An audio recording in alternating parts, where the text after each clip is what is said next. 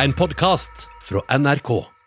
Jeg klikka meg inn på en nettsak her om dagen, for der sto det at en programleder på TV hadde fått redda livet fordi en seer som var lege, hadde sendt melding om at hun måtte komme seg til doktor og sjekke seg.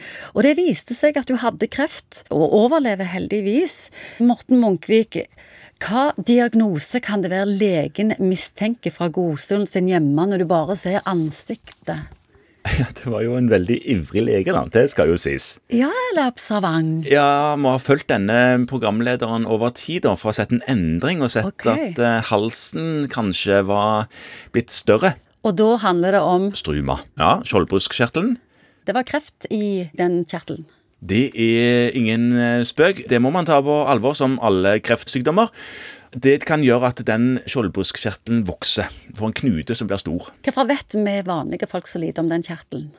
Når den er så viktig. Jo, men det, Jeg tror folk flest vet om den kjertelen veldig godt, fordi at det er det som regulerer om man får høyt eller lavt stoffskifte. Og akkurat det tror jeg veldig mange er kjent med.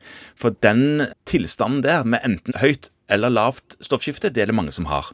Og da er det enten produksjon av for mye eller for lite av hormonet som denne kjertelen Hovner den opp da òg? ja, den kan, det er jo litt rart at den kan hovne opp både hvis man har høyt og hvis man har lavt stoffskifte. Eller at du har en betennelse. Er det lett å behandle? Betennelsen er ganske grei å behandle. Både høyt og lavt stoffskifte er greit å behandle, men det gir vanligvis en livslang behandling. Og det er jo litt kjedelig, at man må ta medisiner resten av livet. Hva påvirker hvordan skjoldbruskkjertelen har det? Ja, du kan påvirke den i tidligere tider, hvor man spiste for lite jod. Så fikk skjoldbruskkjertelen det ikke helt ok, for han bruker jod i produksjonen av hormonet sitt. Så man er nødt til å få nok jod for at skjoldbruskkjertelen skal trives. Og det gjør man med et vanlig kosthold i Norge. Men i andre deler av verden så er det ikke sjelden å se at jodmangel gir skjoldbruskkjertelproblematikk. Og når du får kreft igjen, da er det ikke bra.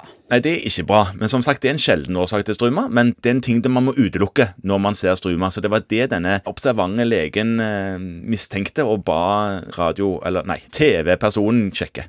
Ja. Og så var det kreft. Og så så ble det berga. Har du sett? Du har hørt en podkast fra NRK. Hør flere podkaster og din NRK-kanal i appen NRK Radio.